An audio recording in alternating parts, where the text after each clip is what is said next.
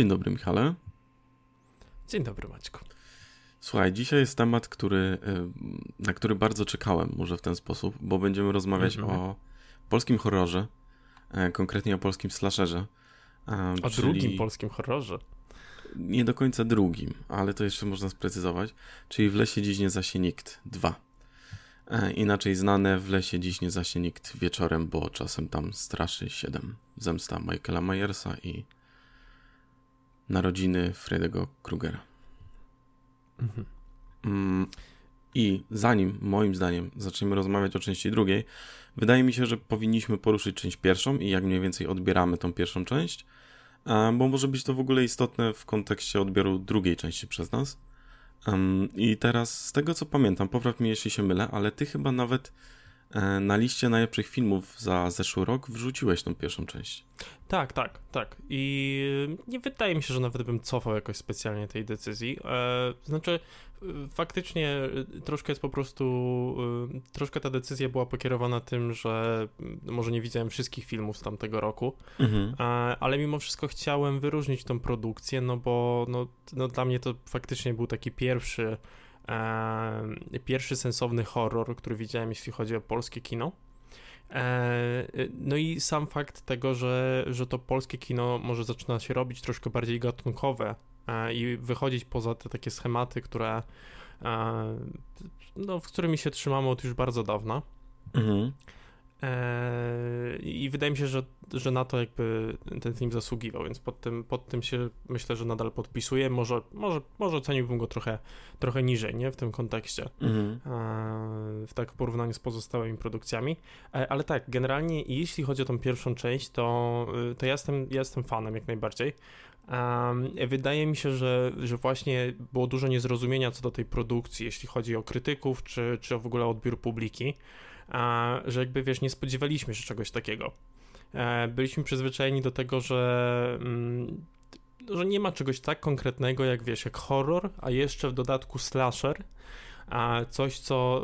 Y, I to taki film, który jakby czerpie z tego gatunku, z tego, z pozostałych filmów gdzieś tam, a, które wychodziły, tych anglojęzycznych nie tylko. Mhm. A, i, I gdzieś tam się tym wszystkim inspiruje. Czegoś takiego niespecjalnie mieliśmy i wydaje mi się, że to też wpłynęło na taki negatywny odbiór, ale trzymam się tego, że ten film generalnie jest naprawdę dobry i, i wszystkie te tropsy takie jest takim omarzem praktycznie, tak, do, mhm. E, do slasherów, e, który jest moim zdaniem fajnie zrealizowany. Mhm. No, powiem ci, że e, to jest większa prawda generalnie to, co mówiłeś, znaczy nie mamy w kinie polskim takiej tradycji kina gatunkowego, E, teraz możemy zaobserwować e, takie pewnego rodzaju zmiany w tym, w tym kierunku, e, chociażby właśnie przez tą pierwszą część w lesie dziś nie zasie nikt, ale też taki film jak Wszyscy moi przyjaciele nie żyją, który też jest kinem gatunkowym. I właśnie zabawne jest to, że też był, został różnie odebrany, bo bo po prostu nasza publika nie jest do końca przyzwyczajona do tego typu kina, co ja osobiście bardzo żałuję, bo kino gatunkowe jest super, naprawdę. Jest to, myślę, jedna z ciekawszych w ogóle gałęzi kina. Mm, co do tej pierwszej części, prawdą jest to, że nigdy nie mieliśmy slashera e, e, polskiego.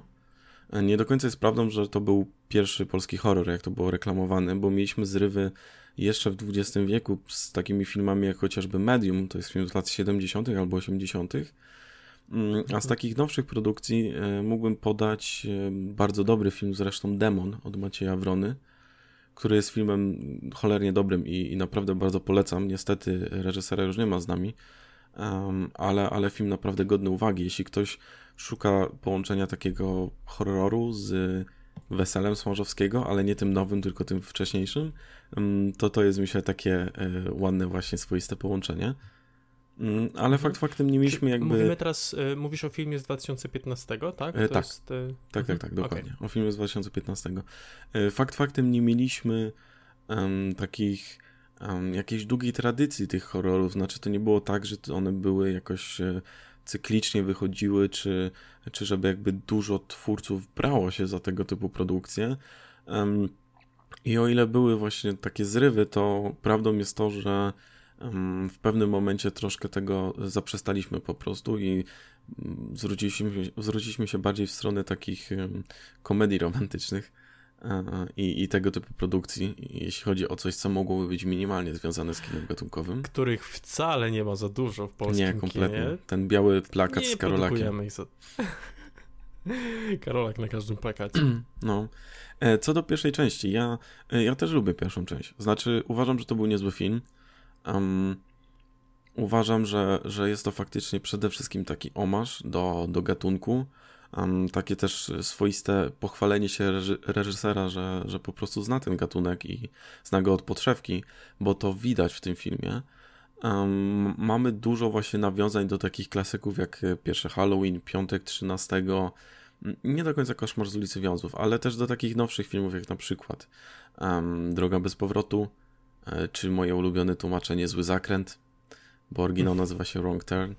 Um, E, czy, czy na przykład do teksańskiej masakry, więc czuć to e, faktycznie w samej stylistyce tego filmu, w, e, przede wszystkim w ten sposób, jak ten film się wizualnie prezentuje, a prezentuje się w ogóle na bardzo dobrym poziomie, znaczy jeśli chodzi o taką re realizację w kinie polskim, jest to naprawdę wysoki poziom. Um, ładna tam była zabawa takim właśnie color gradingiem i, i tymi podobnymi rzeczami. Um, I takim um, też dla mnie bardzo jasnym punktem w tej pierwszej części była ścieżka dźwiękowa, która polegała na takim połączeniu właśnie tych um, klasycznych dla tej epoki slashera właśnie um, ścieżek dźwiękowych z muzyką troszkę bardziej nowoczesną, więc mieliśmy taki fajny, fajny właśnie zaśpiew e, starego kina w połączeniu z tym nowym kinem i to tak fajnie moim zdaniem działało.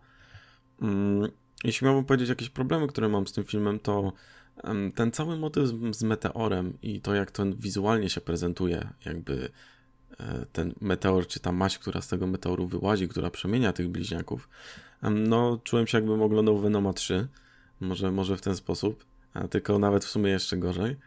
Um, więc e, ca cały ten motyw jest dla mnie troszkę tak bez sensu. Znaczy, albo można by zostawić troszkę taki motyw nie, nie do powiedzenia, e, jak w niektórych właśnie slasherach, albo wyjaśnić to troszkę bardziej przyziemnie, jak na przykład w tym, w Drodze Bez Powrotu, gdzie tam mieliśmy motyw po prostu kazir, kazirostwa i tym podobnych rzeczy.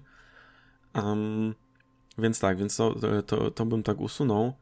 Um, no i minimalnie może być problem to, że to jest w sumie omarz, ale tylko omarz. I na poziomie takim w miarę podstawowym kontekście odwoływania się do pewnych dzieł e, wcześniejszych, właśnie popkulturowych, filmowych.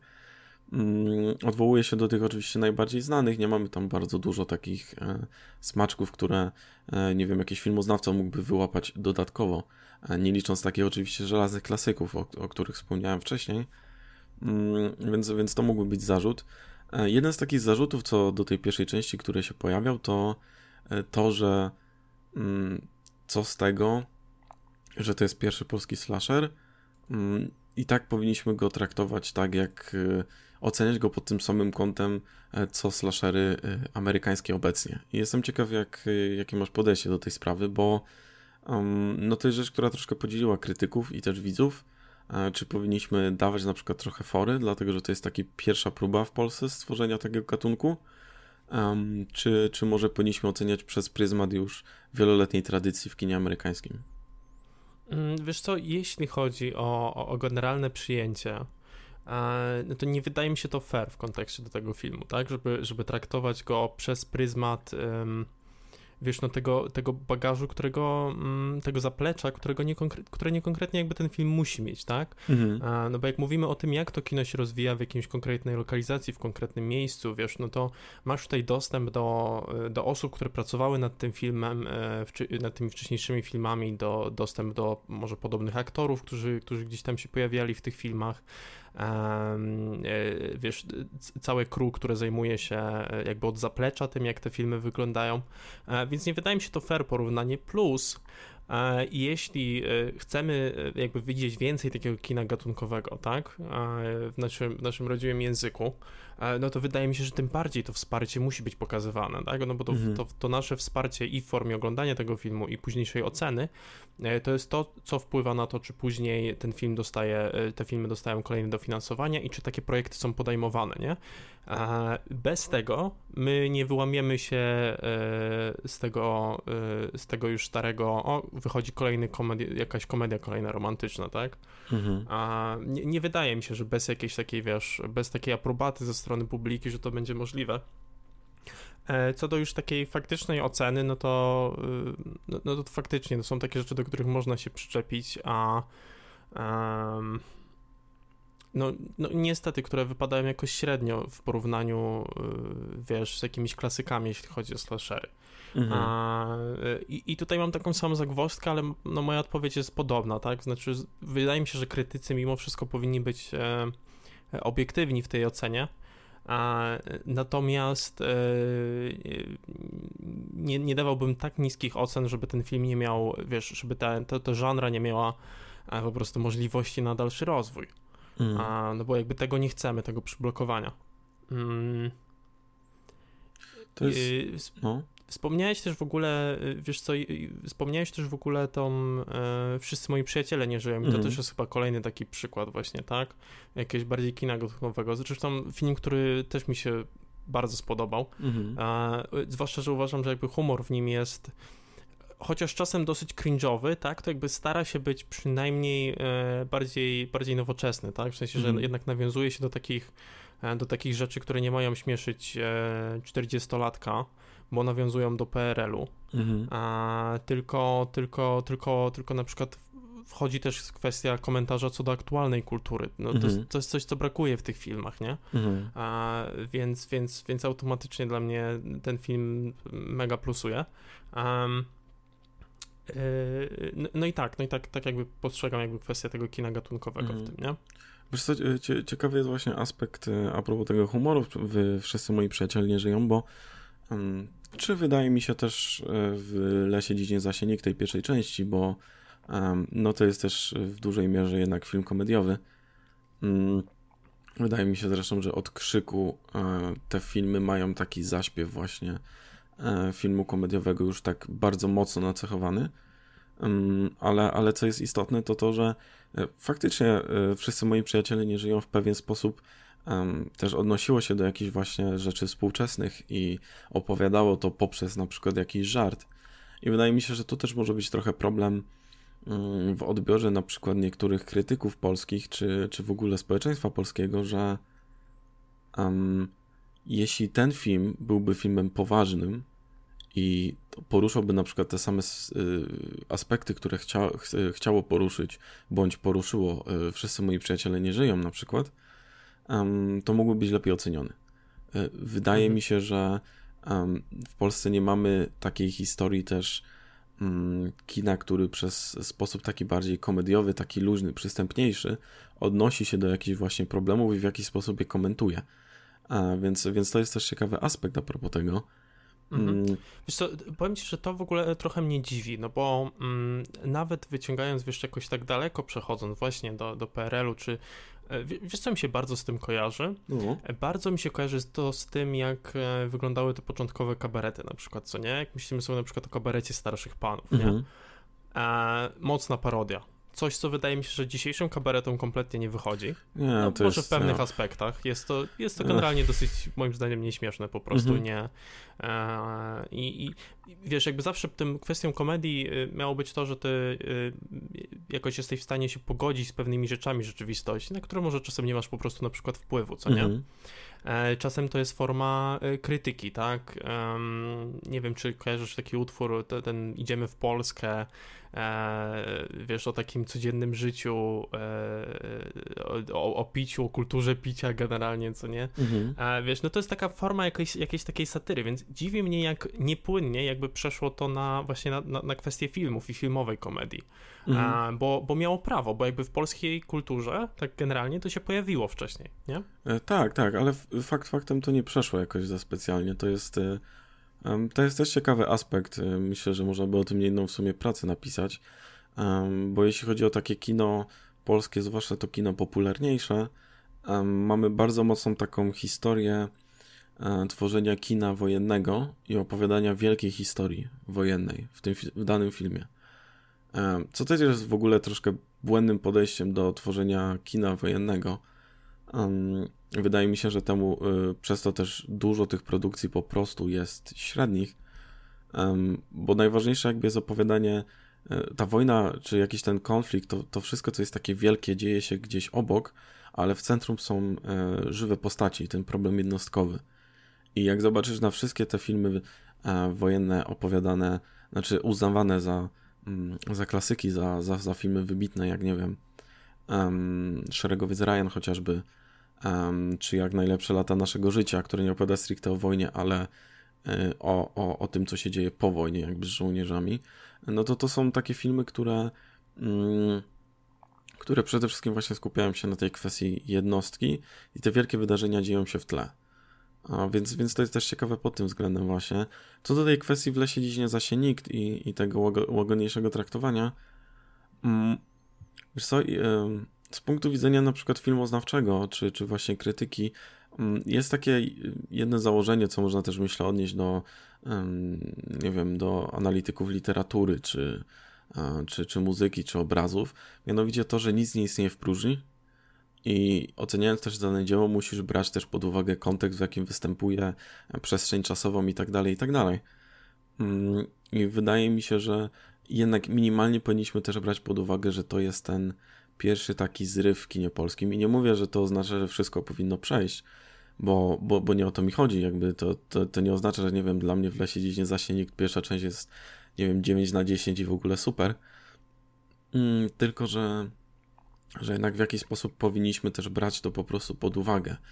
Bo oczywiście w, erze globalizacji jakby e, śledzimy e, kino amerykańskie praktycznie w tym samym dniu, kiedy wychodzi premiera w Ameryce, wychodzi też w Polsce e, zazwyczaj, mm, ale, ale niemniej jednak e, no, ważny jest też jednak ten kontekst, że po prostu u nas takich prób nie było stworzenia slashera.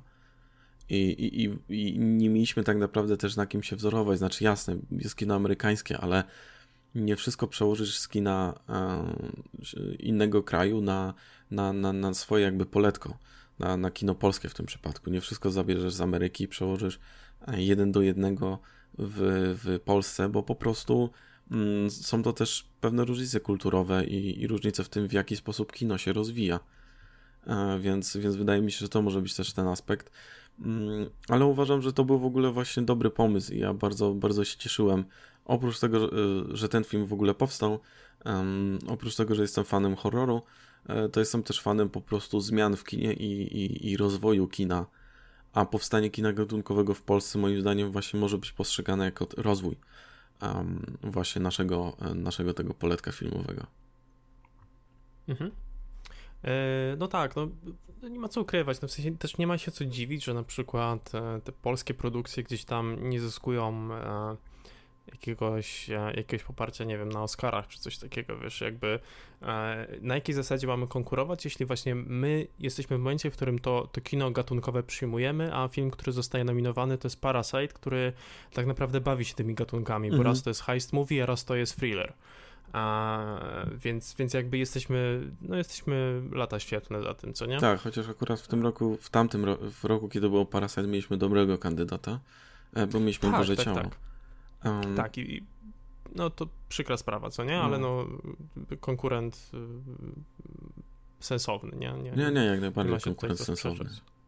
E, no dobra, słuchaj, to teraz druga część, bo um, mam takie pierwsze moje spostrzeżenie jest następujące. Jeśli e, ktoś e, uważał, że e, pierwsza część nie robi nic nowego i jest ultra bezpieczna, bo mm, po prostu tworzy film bazujący na tych oryginalnych e, slasherach, e, czyli jest filmem, który, gdzie już tak naprawdę większość motywów widzieliśmy i, i to jak ten film jest skonstruowany jest bardzo podobny do, do kina lat 70. czy 80., to wydaje mi się, że to co, to, co zrobił Kowalski przy drugiej części, to powiedział tym wszystkim ludziom: Potrzymajcie mi piwo i wjechał mm -hmm. na mhm. pełnej.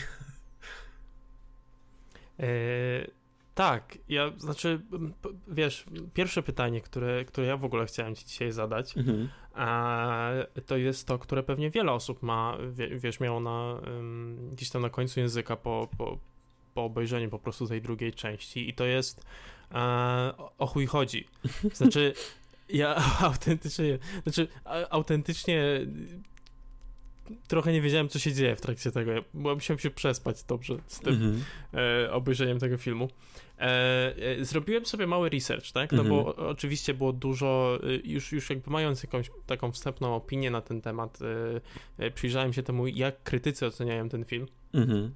No, i, no i jedna z takich rzeczy, na które zwróciłem uwagę, to to, że po raz kolejny jestem trochę zostawiony w lesie, hahaha. Ha, ha. E, bo y, nie, nie, oglądałem zbyt dużo takich klasycznych y, horrorów, co nie? I wiele osób mhm. na przykład y, bardzo szybko przechodzi do rzucania w kontekście tego drugiej części filmy sama Remiego, a to jakby jego pierwsze horrory, które, mm, które gdzieś Seria tam robił. Martwe Zło. Mhm. Na, I na przykład seria Martwe chociażby seria Martwe Zło, tak? To mówię teraz o właśnie tym minimalnym researchu, kiedy, kiedy wiesz, ja nie widziałem tych filmów tak mhm. naprawdę, ale coś na co zwróciłem uwagę i to jest coś chyba o czym kiedyś rozmawialiśmy, to to, że wiesz, mamy Martwe Zło, które jest horrorem, mamy Martwe Zło 2, które jest horrorem jest przy okazji komedią. Tak, i jest cudowną I, komedią horrorem, no. I to wiesz, to widać na, nawet po samej okładce, co nie? Mhm. To, to, jest niesamowite. E, bardzo dobrze przyjętym horrorem komedią. Tak, e, tak. To zaznaczmy. E, ja się podpisuję. Więc, no. więc jestem, jestem po prostu ciekawy, jak e, przede wszystkim jestem ciekawy, jak ty przyjąłeś ten film. A, dlatego, że jest mi go bardzo ciężko ocenić. Znaczy, a, ja miałem bardzo duży mindfuck. A, zadziało się tak dużo w tym, w tym rzeczy. No i oczywiście nie spodziewałem się tego, że nagle kompletnie. No i właśnie, mówimy o zmienianiu się żanry, tak? Mhm. A ten film w połowie zmienia kompletnie swój ton. Mhm. A dopiero co mówiłem o tym, że jesteśmy lata świetlne za tym. Chwileczkę. Może już nie. Może już nie jesteśmy. E, więc, e, więc jakby on zmienia kompletnie ten i nagle się staje właśnie komedią romantyczną. A, i, i, nie wiem, czy jakby, wiesz, Kowalski brał tutaj pod uwagę to właśnie, jak to kino polskie wygląda.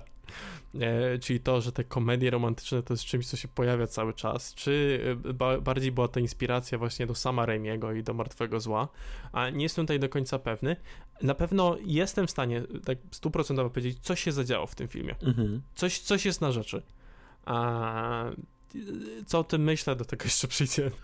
E, wiesz co, tak próbując troszkę odpowiedzieć na to twoje pytanie i, i jakichś takich nawiązań, które e, ludzie poszukują mm, w kontekście tego filmu, ja nie za specjalnie podpisuję się pod um, takim zwróceniem się w stronę martwego zła, bo um, troszkę tego nie rozumiem. Znaczy, jeśli ktoś widział Martwe Zło 2 i Armię Ciemności, pierwszą część, czyli Martwe Zło, um, może dostrzec, że są to naprawdę różne filmy w, od W lesie dziś nie zaśnie nikt Wydaje mi się, że jedyne połączenie, jakiego ludzie się to szukują, to to, że skręca to w taki ton mocno um, komediowy i taki lekko dziwaczny. I jasne, jest to w Martwym Zle y, 2. Mm, ale ten y, Martwe Zło 2 ucieka w zupełnie inny rodzaj groteski i przede wszystkim dużej ilości slapsticku, czego tutaj nie ma aż tak y, w takich ilościach. Więc nie do końca jakby czaję, czemu ludzie tak to porównują. A wydaje mi się, że może po prostu nie widzieli Martwego Zła, ale wiesz, jest to film, który zna, zna, znasz nawet po prostu ze, ze, ze, ze słyszenia, więc, więc może dlatego. Mm, ja bym bardziej tutaj y, szukał się, wiesz co, takiego połączenia trochę z filmami Tromy.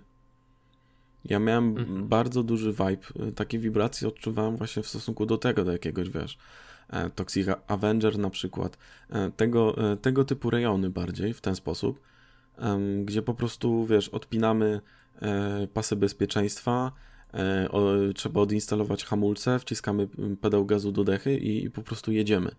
I, I wiesz, i to jest to takie, to, to co ma w sobie troma, czyli takie połączenie takiego ultra takiego złego, obrzydliwego i tak aż dziwacznie zabawnego kina w jedno jakby.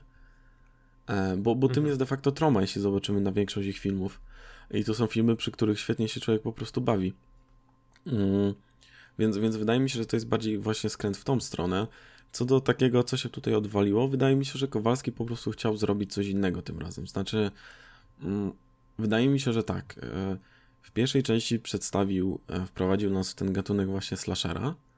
Um, takie mniej więcej przedstawił podstawy, jeśli ktoś by, nie wiem, też nigdy nie oglądał na przykład slasherów właśnie um, tych amerykańskich, bo, bo nie wszyscy oczywiście musieli widzieć, nie wiem, pierwszy Halloween czy piątki 13 i tak dalej, mm, to wprowadził mniej więcej w konwencję, z czym to się je, wyjaśnił mniej więcej zasady, trochę tak jak Wes Craven zrobił to w Krzyku. Um, tak on zrobił to tutaj przez y, postać y, tego y, chłopaka w pierwszej części. Um, nie, nie, pamiętam teraz niestety, jak miał ten Julek chyba jakoś tak. I, i przez postać Julka, czyli tej mhm, osoby, Julek, która jakby Julek, tak. I są wyjaśniane te zasady, to jest podobny motyw, jaki był w Krzyku. Um, tak, wydaje mi się, że tutaj, kiedy już tak, wiesz, rozłożył sobie ten, ustawił sobie mniej więcej ten grunt, to postanowił mocno skręcić w którąś stronę. E, I wybrał w tą stronę taką, wiesz, bardzo wykrzywioną, zagmatwaną, właśnie w stronę takiej troszkę filmów tromy. I postanowił po prostu pobawić się z tym gatunkiem. E, co ciekawie odnosi, y, jakby rezonuje troszkę z historią w ogóle slasherów, gdzie mm, te wszystkie, nie wiem, 68 części Piątku 13 mm, były też tymi częściami, które y, mocno zaczynały bawić się po prostu i zdawać sobie sprawę z tego, czym są już na tym etapie czyli takim wynaturzeniem wręcz tych pierwszych filmów i, i, i, po prostu taką karykaturą troszkę tych pierwszych właśnie slasherów. I mieliśmy wtedy na przykład Jasona w kosmosie, mieliśmy e, Leprikona w kosmosie, cenobitów w internecie, jakby masę jakichś takich dziwnych tworów, które nie były do końca dobre, ale, ale można było się przy tym nieźle bawić, przede wszystkim dlatego, że twórcy byli samoświadomi i wiedzieli mniej więcej jaki rodzaj kina tworzą i temu się postanowili podporządkować. Dla mnie cała seria o Leprikonie jest na przykład takim przykładem, um, na przykład przykładem, nieźle, e, jest takim idealnym po prostu um, właśnie takim go-to. Jeśli ktoś chce zobaczyć takie samoświadomość tworzenia kina klasy B, to polecam wszystkie filmy o Leprikonie, absolutnie. A więc, więc wydaje mi się, że trochę to się tutaj um, nie wiem, wydarzyło powiedzmy i wydaje mi się też, że Kowalski w pewien sposób chciał zarezonować też z pierwszą częścią, z tym, co, z tym, co działo się w pierwszej części, a mianowicie z takimi tropami slasherowymi i mm, przerzucić je na tą część, bo mm, co jest jakby takim klasycznym motywem slashera, co się utarło, tak? Nagość w pewien sposób. Ym, że, że jakby jeśli y, ktoś odbywa stosunek, y, to oczywiście umiera.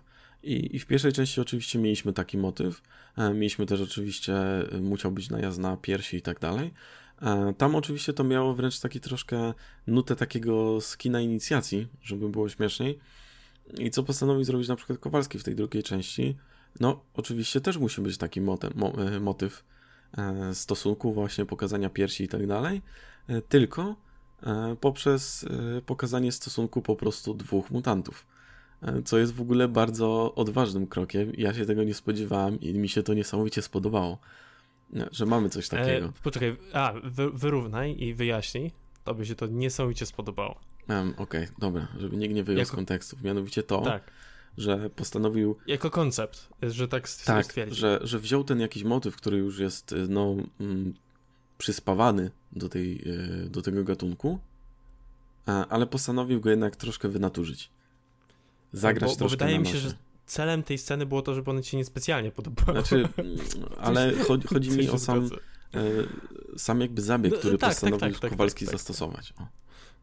Tak, tak, tak. No tylko, no, do, do, dopisuję po prostu, tak, żeby było jasne. E, bo, bo scena była obrzydliwa kompletnie. To prawda. Naprawdę. W sensie, to, to był ten moment, kiedy tak autentycznie już nie wiedziałem, o co chodzi. Um, Okej, okay, no to skoro rzucasz mi coś takiego, że tutaj są takie tropsy, które on chciał trochę podwracać, mhm. a, to teraz pytanie do ciebie, czy, czy ta postać Vanessy, która jest tą policjantką, i to, że ona ma być tą ogarniętą babką, która wie o co chodzi, co się dzieje i tak dalej, mhm. ale ostatecznie kończy się na tym, że ona niespecjalnie ogarnia i też przez te rzeczy jakby po prostu więcej osób umiera. Czy to, mhm. to, to jest dla ciebie też na przykład odwróceniem takiego tropa? A, wiesz co, um, Mm, nie do końca odwróceniem tropu, tylko właśnie bardziej może takim tym elementem hołdu, bo zazwyczaj ci wszyscy policjanci czy jakieś władze w tych filmach nie są zbyt pomocne, znaczy albo pojawiają się już na sam koniec, kiedy de facto sytuacja jest rozwiązana, e, albo pojawiają się w trakcie i po prostu umierają. Jest mhm. zresztą taki film um, Ostatni dom po lewej Wesa Cravena, nie mylić z tym remake'iem z XXI wieku. Mówię o tym filmie z lat 70 no jest to film niesamowicie jakby brutalny i taki podskórnie po prostu przerażający człowieka poprzez to, co dzieje się tam na ekranie, ale mamy tam właśnie dwójkę policjantów, którzy są strasznie takimi goofy policjantami i jakby de facto seryjni mordercy uciekają im sprzed nosa i oni nawet się nie orientują, że coś tam takiego ma miejsce. A więc wydaje mi się, że tutaj jest ładna taka analogia na przykład właśnie do, e, do tego filmu. I generalnie właśnie mniej więcej od tego ostatniego domu po lewej zaczął się często pojawiać motyw tych takich e, policjantów, którzy niespecjalnie są pomocni e, i niewiele tak naprawdę mają do zaoferowania. Więc, więc bardziej myślałem może w ten sposób. Mm. Co więcej, dla mnie postać Vanessy, wiesz co, była troszkę takim um, tym takim archetypem um, strasznie pewnie, pewnie, e, pewnej osoby. Znaczy, mhm. jestem pewny siebie, zdaję sobie sprawę mniej więcej z tego, co mogę wnieść e, i nie zważam na to, że e, że ktoś na przykład, wiesz, może mieć jakieś na przykład inne zdanie, czy rzucić jakby inne spojrzenie na daną sprawę, tylko jestem tak mocno zafiksowany na czymś, co ja uważam, że nie dam jakby do siebie dopuścić innej opcji. Więc e, to, to, to bardziej postrzegałem Vanessa też w taki sposób, jeśli mówimy na przykład o, o jej roli w tym filmie. O tym takim, no, taki archetyp osoby, która jest tak bardzo zafiksowana na tym, co ona uważa, że e, przejedzie się walcem po wszystkich innych jakby opiniach. E, mhm. na, tej, na tej zasadzie. Okej, okay. czy, czy w takim razie jakie są jeszcze takie tropsy, które, które, które może, może gdzieś tutaj Kowalski trochę starał się odwrócić? E, wiesz co, na pewno e. taki wątek romantyczny, um, czyli y, często w slasherach może się pojawiać w jakiś sposób właśnie taki wątek jakiegoś takiego romansu, czy po prostu um, jakiejś takiej właśnie relacji między chłopakiem a dziewczyną zazwyczaj oczywiście w tych filmach. Um, i, i, I zazwyczaj to jest tak, że ten chłopak przeżywa praktycznie do samego końca, on umiera na sam koniec i zostaje oczywiście ta final girl. Um, wydaje mi się, że no, tutaj mamy takie pierwsze odwrócenie tego e, tropu, czyli owszem, mamy wątek romantyczny, ale to jest wątek romantyczny między mutantem 1 a mutantem 2. Um, po prostu na tej zasadzie zrobiony. I, i sam motyw w ogóle pokazania um, całej tej historii tego, co dzieje się zazwyczaj w slasherach z perspektywy właśnie tych potworów, tych morderców, e, jest też jak najbardziej odwróceniem schematu, bo nigdy tak naprawdę nie śledziliśmy historii z ich perspektywy. E, jasne, pojawiały się motywy POV, czyli z takiej jakby pierwszej osoby, jak na przykład było w pierwszym Halloween chociażby, czy w pierwszym piątku 13, e, ale to nigdy nie była historia, która była z ich perspektywy. To był jedyny pewny dodatek, który miał wprowadzić różnicę w dynamice, ale historię nadal śledziliśmy z perspektywy tych osób, które były ofiarami tych morderców. Mhm. A więc, więc to jest jakby taki kolejny. Mm, no ten motyw właśnie stosunku już poruszyłem. Co więcej, wydaje mi się, że jest też taki minimalny odwrócony motyw tej Final Girl, czyli tej dziewczyny, która przeżywa na sam koniec. Bo czym jest no w ogóle tak, Final tym... Girl? Final Girl mhm. jest takim mm, archetypem tej takiej e, no, dziewczyny wręcz idealnej, takiego anioła, takiej purystki bardzo często. Często ta osoba była na przykład dziewicą albo stroniła, że tak powiem, od, od jakichś takich relacji damsko-męskich mm, i, i, i po prostu ona była tym archetypem tego, co Ameryka chciała, żeby o niej myślano, gdzie wiadomo było, że tak już nie jest. E, I to, mhm. to był ten taki archetyp. I dlatego ona zawsze była tą, tą, tą ostatnią osobą, która przeżywała i która miała starcie z z tym predatorem, który na nią polował, bo bardzo często e, ci mordercy slasherowi mm, mają ten taki aspekt takiego właśnie drapieżnika seksualnego, który poluje. Więc bardzo logiczne jest ustawienie tej osoby, tej czystej, e, jako tej finalnej, tak, tej finalnej tej jakby walki między tym drapieżnikiem seksualnym, a tej osoby, tej osoby właśnie takiej dziewiczej wręcz. E, więc, więc to jest między innymi motyw Feinegger i on był w pierwszej części. Ta Julia Wieniawa, znaczy postać Julii Wieniawy mm, przeżywa na sam koniec. I co jest ciekawe w tym filmie, um, wydaje mi się, że mamy taki motyw Final Girl, tylko zamieniony po prostu na postać y, Adasia, który staje się mhm. jakby tym demonem, bo raz jeszcze śledzimy um, historię z perspektywy, od połowy mniej więcej z perspektywy tych potworów i on staje się tym właśnie potworem i on jest tym, który przeżywa na sam koniec. A, i, i, jest to dla mnie właśnie bardzo ciekawe taka mm, odwrócenie że też troszkę takiego schematu. I jeśli powstałaby kolejna część, to jestem bardzo ciekaw, co będzie jakby dalej, bo bo, bo widzę, że po prostu Kowalski bawi się różnymi takimi podgatunkami horroru, byśmy powiedzieli. Um, i, I po prostu ciekawi mnie, w którą stronę to mogłoby pójść dalej. Um, więc, więc tak, a jak tobie w ogóle podobał się ten, ten motyw zmiany w, w połowie filmu, gdzie śledzimy właśnie historię z perspektywy dwóch naszych morderców, plus y, wjeżdża w którymś momencie lektor, bo oni mówią jakimś swoim językiem i musi to być wyjaśnione. Jak tobie po, mm, podobały się takie troszkę, powiedzmy, meta zabiegi? E, wiesz co, wiesz, żeby, żeby odpowiedzieć na to pytanie, znaczy tak, no, e, rzuciłeś od razu lektora i do tego też przejdę, ale um, jeśli miałbym ogólnie powiedzieć to w trakcie oglądania, no było to, było to dosyć takie interesujące w takim samym jakby kwestii koncepcji, tak? Mhm. E, czy trochę mnie wyrzuciło z tego filmu? To, to, tak, też jakby, nie wiem, może to jest moja kwestia tego, wiesz, jakichś oczekiwań po prostu, tak, które, mhm. które, które, które zostały przełamane i e, mnie jako odbiorcy, ja mam raczej tendencję do tego, że lubię śledzić e, proste historie w pewien mhm. sposób. I to jest jakaś taka osobista preferencja, więc jak mnie pytasz o to, czy, czy, czy mi się to konkretnie podobało, nie do końca by się tego nie spodziewałem po prostu i, i, i trochę mnie to trochę mnie to wręcz wyrwało jakby z tego oglądania. Mhm. E, czy, czy jakby przez to uważam jakby samo, sam ten zabieg za zły? No nie, no w sensie taka była koncepcja za tym, taki był jakby pomysł na ten film i, i jakby tyle.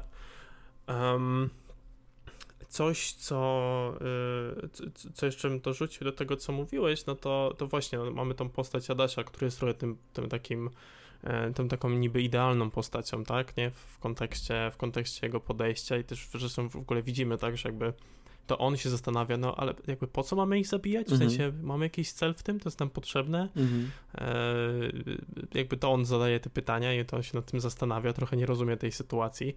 E, coś, co jest dosyć, dosyć, dosyć takie ciekawe, to wiesz, to, że mamy, mamy tą pierwszą część, kiedy on jest człowiekiem, jest w tej roli policjanta, niespecjalnie wie co robić, mhm. cały czas zadaje pytania i jest trochę niepewny w tej swojej roli. E, I mamy jakby powtórkę z tego w momencie, kiedy on zostaje tym mutantem i nagle ma się odnaleźć znowu mhm. w kolejnej roli i jakby odrobił kompletnie to samo. E, to, to było dosyć zabawne dla mnie. Mm. E, co do samej jakby kwestii zabawy, no to jakby to mówię, no jakby przyjmuję to jako, jako takie, jakie jest, co nie? Jakby taka była koncepcja tego i, i, i, i tyle. Um, trochę szkoda, że jakby, wiesz, nie miałem wcześniej styczności z takim przełamaniem takich gatunków, takich mhm. mocnych, takiego mocnego przełamania takich gatunków, żebym, e, żeby może łatwiej było mi to od razu przegryźć w trakcie oglądania, mhm. e, po prostu.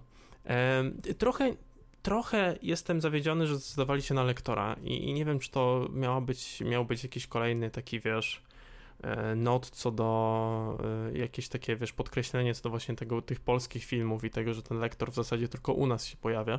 jest mega taka polska rzecz, tak? Że, że, tak, że lektor zazwyczaj w innych krajach są dubbingi po prostu.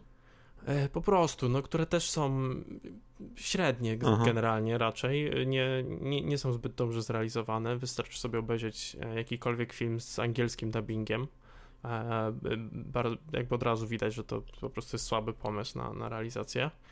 E, I, I, działa to tylko w zasadzie w animacjach, gdzie niespecjalnie widać te ruchy, nie? Mm -hmm. Bardzo często twarzy. I tutaj ten lektor był dla mnie strasznie irytujący. Strasznie nienawidzę lektora. I, i autentycznie wolałbym, żeby były po prostu napisy do tej części. Mm -hmm.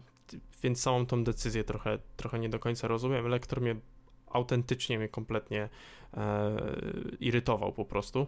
E, więc to mogło też może wpłynąć na mój odbiór tej drugiej części.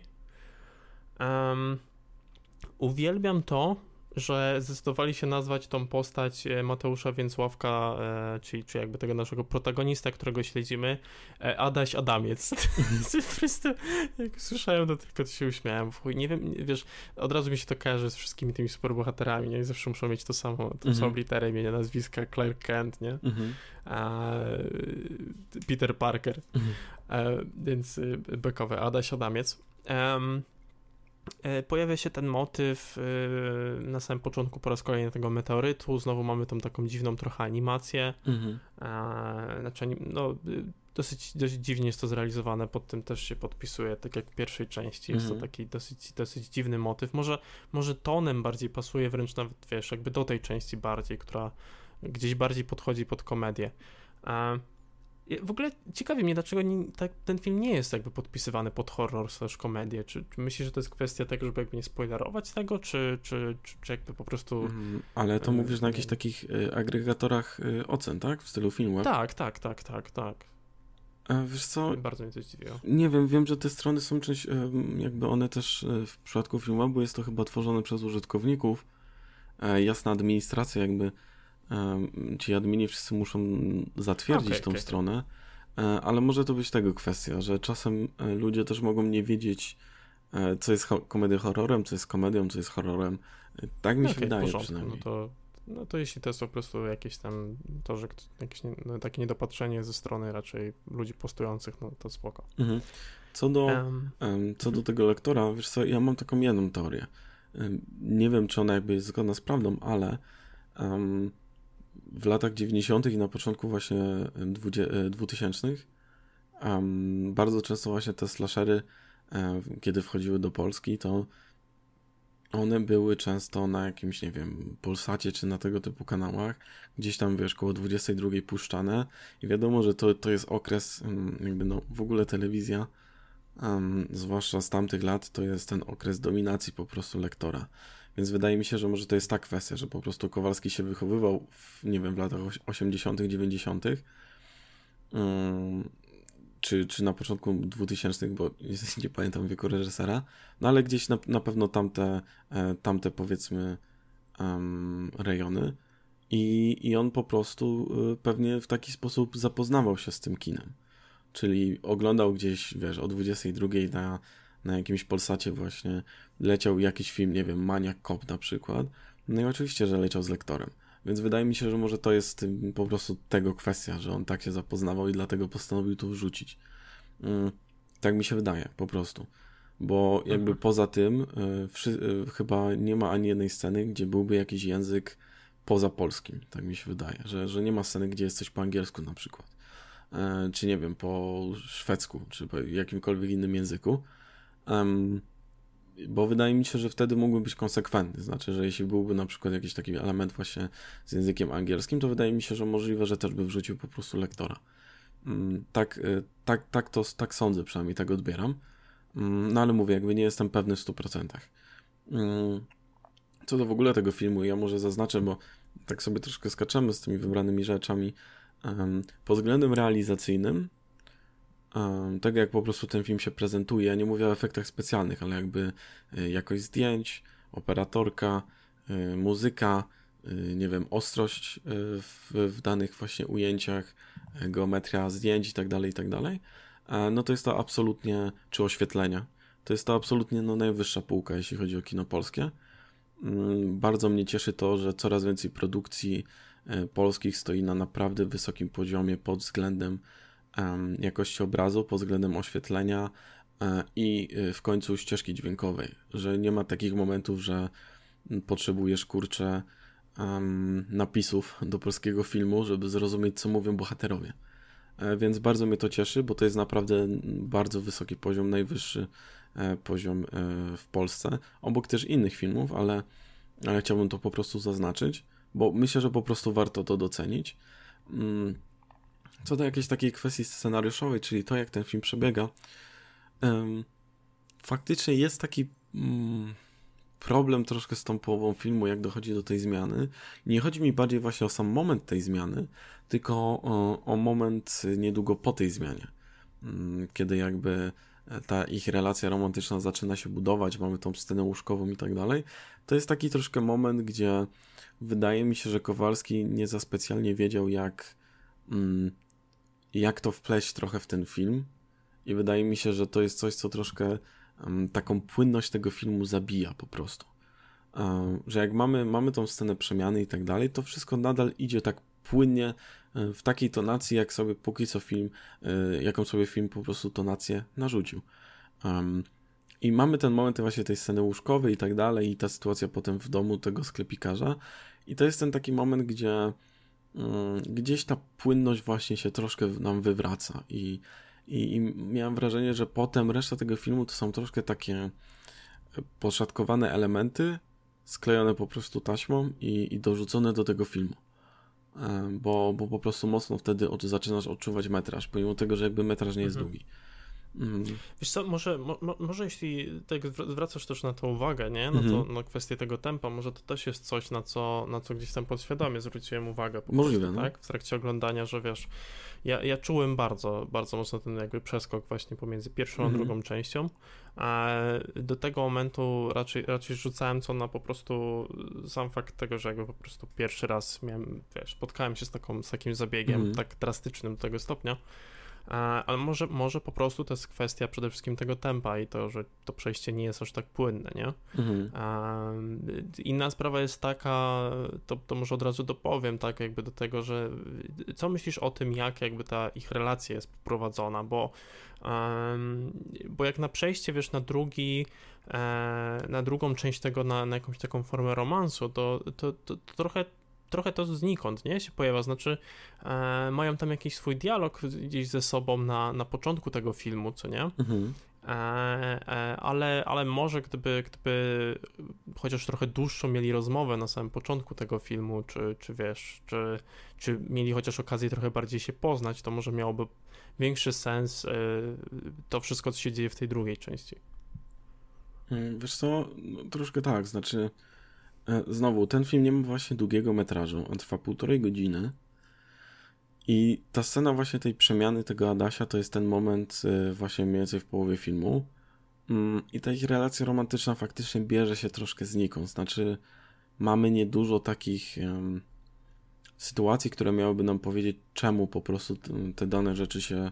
Znaczy, czemu ta historia poszła w ten sposób, a nie w inny, tak? E, jakby, jaki jest de facto powód żeby ta postać Julii Wieniawy e, postanowiła przemienić po prostu Adasia w, w tego potwora, bo oni mieli naprawdę tylko i wyłącznie jedną scenę krótką w, e, w, w tym areszcie e, na, na, na tej komendzie i to jest w sumie wszystko. No i problem jest taki, że to nie jest troszkę dużo, bo to nie, to nie jest tak, że podczas tej sceny mm, na komendzie oni mieli jakby nie wiem, jakiś dialog dłuższy do, do zamienienia gdzie jakby gdzie mielibyśmy jakąś podbudowę do tych relacji. To była naprawdę bardzo krótka scena, więc, więc troszkę tego nie rozumiem. Już y, lepsze podbudowanie miała mm, ta scena zabicia tego sklepikarza niż, niż ta relacja romantyczna.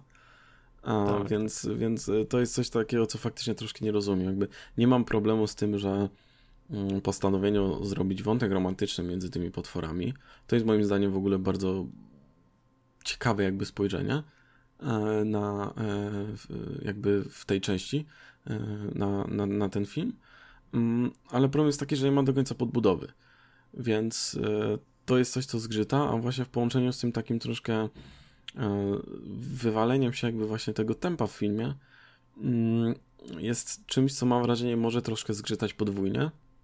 Zwłaszcza jeśli oglądają to osoby, które E, wcześniej nie miały na przykład zbyt dużej styczności z komedią horrorem, czy z filmami, które są w pewien sposób samoświadome i postanawiają troszkę zabawić się też konwencją, jak na przykład Krzyk chociażby, mm, to, e, to wydaje mi się, że to może właśnie zgrzytać wielu osobom i dlatego ten film może być też tak, a nie inaczej na przykład przyjęty. Mm, co więcej, akurat w tej drugiej połowie filmu te niektóre elementy realizacyjne są troszkę gorsze, znaczy na przykład te odcięte głowy niektóre. Um, troszkę widać, że, że jest to też efekt w pewien sposób cyfrowy i moim zdaniem można by e, troszkę lepiej pobawić się po prostu z oświetleniem i ze sposobem kadrowania, żeby, żeby zakryć pewne, pewnego rodzaju wady, bo na początku tego filmu mieliśmy fenomenalny po prostu efekt y, praktyczny z Andrzejem Grabowskim, tak, który był jakby na pół rozwalony i to mhm. wyglądało cudownie po prostu. Um, a potem mamy to odcięte głowy. No i jest też ta scena właśnie, kiedy um, ta postać wieniawy postanawia przemienić Adasia i widać po prostu, że, że jest to maska. Um, I to jest coś, co mnie troszkę zabolało, bo um, tak to film bardzo dobrze maskował te, e, te wiesz, pewnego rodzaju niedociągnięcia, czy jakieś takie szwy, które zawsze film, każdy w jakiś sposób musi po prostu maskować, bo jest to fikcja, nie rzeczywistość. I, I tu jest ten moment, w który nie wiem, czy e, jakby przeoczono, czy po prostu zdecydowano się zostawić, no ale jest to duży błąd, bo to jest scena, w której po prostu ewidentnie widać, gdzie ta maska się jakby kończy, a gdzie się zaczyna. Mhm. I, i, I to jest coś, co troszkę boli, bo, bo mówię, do tej pory jakby mm, takie y, solidne dopieszczenie po prostu tych efektów y, praktycznych było, y, było na, na, na, naprawdę wysokim poziomie i, i troszkę mnie boli ta scena właśnie, bo bo po prostu nie wiem, jakim cudem ona przeszła. Znaczy, to powinni po prostu, wiesz, y, poprawić i, i to tyle. Zrobić jeszcze jeden take, mm, jeszcze jedno ujęcie tej sceny i, i to nie powinien no być tak. problem. Um, zwłaszcza, zwłaszcza, że wiesz, te giganty z pierwszej części, ta, ta dwójka tych braci, no wyglądali spoko, tak, nie? Tak, tak. A, I w tej drugiej części to samo, a no tutaj mamy, wiesz, nagle charakteryzację dwóch postaci, które tutaj są, są, są wiesz, na tym głównym planie i są tak średnio zrealizowane. E, coś, co jeszcze znaczy, dla mnie się dorzuca są kwestią... spoko, tylko ta jedna scena, a wiesz, y, to co mnie dziwi to to, że zazwyczaj w postprodukcji mamy następującą sytuację. Um, operator siedzi z kolorystą, tak, i bawią się właśnie color gradingiem i tak dalej, a reżyser y, siedzi z montażystą i na pewno na tej jakby stacji montażowej przeglądali te, no wiadomo, przeglądają te wszystkie ujęcia, decydują się co wyciąć, e, co połączyć, co jak ze sobą połączyć, e, więc na pewno musieli to zauważyć, więc tym bardziej mi po prostu ciekawi takie zostawienie tego. Mhm. Tak, takie, tak sporo niedopatrzenie po prostu mhm. z tej strony. No bo to jest coś, co naprawdę się rzuca w tej scenie. E, wiesz, co jest jeszcze dziwne w kontekście, mm, w kontekście tej ich relacji? Mhm. Jakby sam fakt, że tą postać Zosi my poznaliśmy w pierwszej części mhm. e, i ona nam została przedstawiona jako ktoś, kto jest nieufny, ktoś, kto e, generalnie potrzebuje czasu, żeby się otworzyć, ktoś, kto e, ma jakieś różne traumy, z którymi się zmierzył. E, I, I, nagle, wiesz, co też wiemy z pierwszej części, ta Zosia przeszła przez kompletny horror. Mhm. Haha.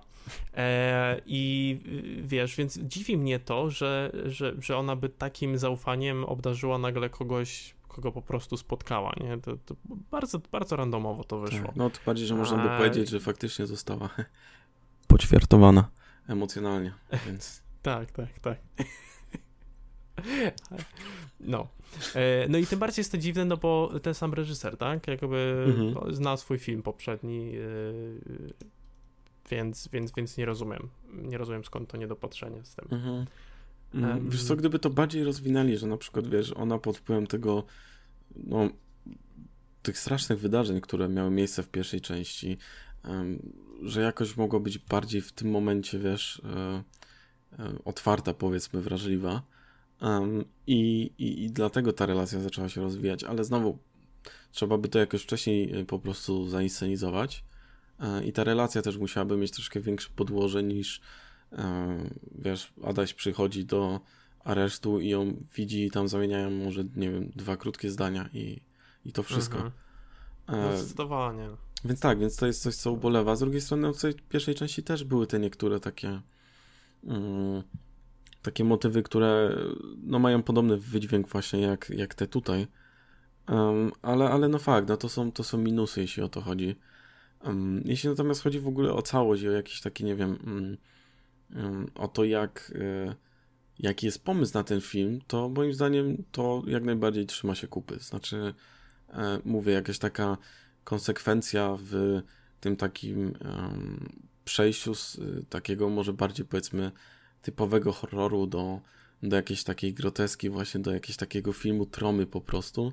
Mm, moim zdaniem to jest bardzo konsekwentnie utrzymane w miarę od początku do, do końca filmu. Mm, I te elementy też takie komediowe, e, jak na przykład ten moment, kiedy właśnie idą zabić tego sklepikarza i kitrają się w tej szafie, bo zawsze otworzą szafę. On po prostu na przykład, wiesz, tam odchodzi i olewa tą szafę. No, mm, są, są, są w ogóle fajnie zainscenizowane, znaczy te elementy komediowe faktycznie wybrzmiewają.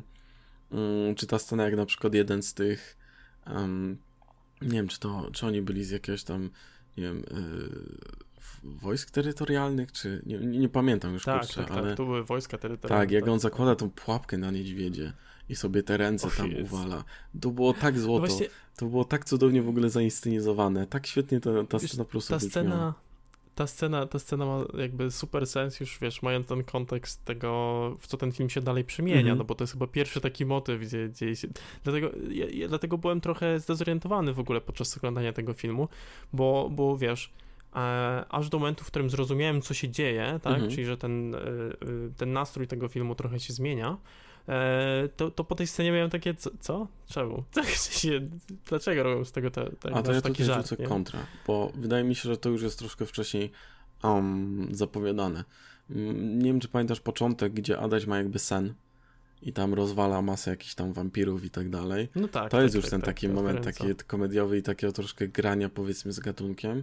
A potem mamy chociażby tą scenę z hot dogami, która jest dla mnie minimalnie wymuszona, tak, że że ten Grabowski idzie do tej toalety, do tego tam wychodka. Mm, ale wydaje mi się, że w jakimś minimalnym stopniu już jest to właśnie zarysowywane troszkę wcześniej, że ten film może nie być taki, jak nam się wydaje, że, że będzie. Mm, mhm. No ale no czaję, czaję, że, że jakby mogą być, że no nie znając jakby wielu jakby filmów tego typu można, można poczuć troszkę takie taki rozjazd po prostu w tym, co się dzieje. Mhm. E, na pewno super motywem komediowym i, komediowym i w ogóle fajnym addition do tego filmu była właśnie ta postać e, Adasia Adamca, e, już abstrahując od tego, że ma, jak zajebiście go nazwali. -hmm. I w ogóle super zagrana. Adaś Adamiec. Tak, y, świetnie. Znaczy, y, coś, co mnie boli, to to, że mm, trochę, wiesz, Mateusz Więcławek też grał wcześniej i zresztą razem z Julią Wieniawą, -hmm. tak? Grał wcześniej e, Wszyscy moi przyjaciele nie żyją i e, pewne takie momenty, w których grał jakby tamtą postać, trochę, trochę mi się pokrywają z tą trochę, te, te momenty takiego jąkania się, trochę nie wiedział co, co jakby powiedzieć i tak dalej, e, takie trochę akurat, jest to inna postać, nie można powiedzieć, że to jest to, to jakby to samo, ale widziałem dużo podobieństwo mm -hmm. i mhm. trochę, trochę szkoda, tak jeden film po drugim. E, jak się gra podobną rolę, to od razu się te filmy kojarzą i jakby masz wtedy wrażenie, że aktor gra tak samo, e, ale on faktycznie tutaj zagrał dobrze. I sam fakt tego, wiesz, jak on nagle się staje mutantem, ale nadal jest takim niepewnym mm -hmm. Adasiem, który nie do końca wie, co robić, sobie nie radzi z tym wszystkim i tak dalej, to, jest, to było super. Um, więc, więc tak, więc wydaje mi się, że właśnie w kwestii tego, co, co takiego poruszyliśmy w kontekście tego filmu, to nawet nie sam właśnie fakt tego, że, że, te, że to jest jakaś taka zabawa z tą formą, e, tylko, tylko właśnie to, że ta druga część e, po prostu jest trochę gorzej zrealizowana, jakby, nie? E, no powiedzmy. W stosunku do pierwszej. Znaczy, no pierwsza też miała tam parę kwiatków. Wydaje mi się, że ta jest jeszcze lepiej dopracowana pod względem oświetlenia chociażby.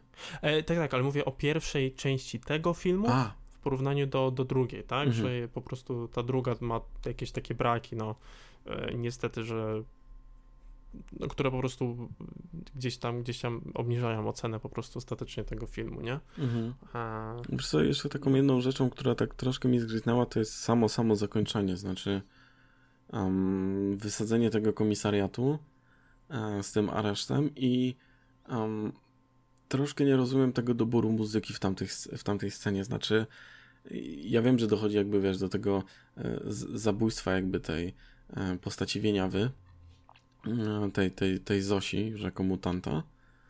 Mm, I ja wiem, że jakby Adaś to na pewno bardzo przeżywa, ale mm, ta muzyka jest tam aż tak, tak za bardzo, powiedzmy, podniosła jak dla mnie. W kontekście w ogóle do tego, czym troszkę jest cały ten film. troszkę zgrzyta mi dobranie i zainscenizowanie tej sceny w taki sposób, żeby, żeby była niezwykle podniosła.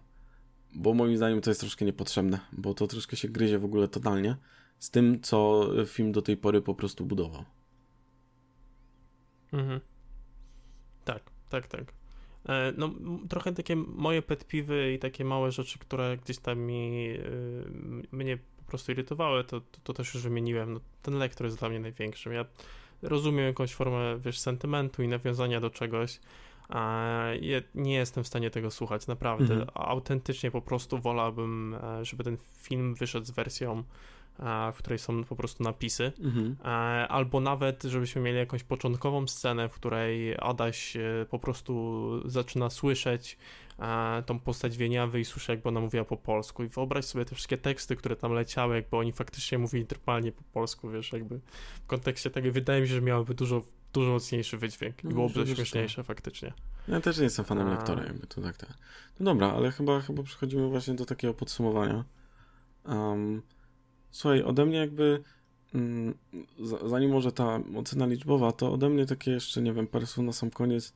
Um, jest to dla mnie bardzo ciekawy projekt. E, nie mówię, że jest to projekt, który nie ma wad, ma, ma ich e, pewną ilość, tak samo zresztą jak i pierwsza część, ale wydaje mi się, że to są takie ciekawe projekty, które w pewien sposób są e, troszkę potrzebne w kinie polskim mm, i chciałbym zobaczyć więcej tego typu skoków w naszej kinematografii. I o ile no, no jest to film, który jakby właśnie ma te wady, to ja czekam z chęcią na jakby kolejny projekt Kowalskiego, mm, bo, bo wydaje mi się, że to jest ciekawy reżyser pod względem właśnie takich eksperymentów przede wszystkim. Widać to już było w trochę jego też wcześniejszym filmie w Placu Zabaw, e, który też zresztą bardzo podzielił e, polskich krytyków przez wzgląd na to, co dzieje się tam e, na zakończeniu tego filmu, więc nie będę tego spoilerował, ale jest to scena, która wiele osób mogła bardzo poruszyć. Um, więc polecam w ogóle ten film e, obczaić, jeśli, jeśli ktoś e, nie widział. Um, ale mówię, jestem ciekaw jego bardzo kolejnych, e, znaczy jestem bardzo ciekaw jego właśnie kolejnych projektów. Um, no i ode mnie taka szósteczka e, za ten film. Mhm. A tutaj trochę się odwrócimy. Pamiętam, że przy ocenie tego pierwszego filmu, przynajmniej ostatecznie, ja go oceniałem na siódemkę, ty na szóstkę. Mhm. A u ciebie szóstka zostaje, ja przy tym akurat schodzę do piątki. Mhm. Ale, jak najbardziej też podpisuję się pod tym, co powiedziałeś, tak? Jakby ja nie uważam, że to, że ten film jest inny, powinno mu odejmować. Ja bym po prostu lepiej ten film przyjął, gdyby ta, to przejście z, właśnie z tej pierwszej, nie mówię teraz o pierwszej części, o pierwszej części w lesie nikt nie zaśnie, w lesie dziś nie zaśnie nikt tylko o pierwszej połowie tego filmu, tak? Gdyby to przejście było trochę płynniejsze i zatrzymało nas jako widza i, i ten wątek romantyczny był trochę lepiej po prostu poprowadzony, tak? Żeby, żeby to nie było tak, że, że film jest dobrze zrealizowany, pół filmu ogląda się fajnie i jest to spójne, bo to już jest coś też, co znamy i, i reżyser sam wie, że potrafi to zrealizować, więc po prostu to nam pokazuje w jakiś sposób a później dochodzi nam do tego momentu, kiedy to zaczyna się robić trochę bardziej komedią i trochę bardziej jest ten wątek takiej komedii romantycznej, tak? Mhm. I że to jest potraktowane, no tak, tak trochę średnio, tak? Mhm. No bo, bo jest to też eksperyment. E, e, więc, więc ode mnie to będzie 5, nasza, Średnio to nasza wspólna cena 5,5. E, ale jak najbardziej e, czekam na kolejne projekty, projekty Kowalskiego. No i, e, no i tak, jak najwięcej nowych, ciekawych rzeczy, jeśli chodzi o kinematografię w Polsce, bo faktycznie jak na ten moment jest po prostu nudno.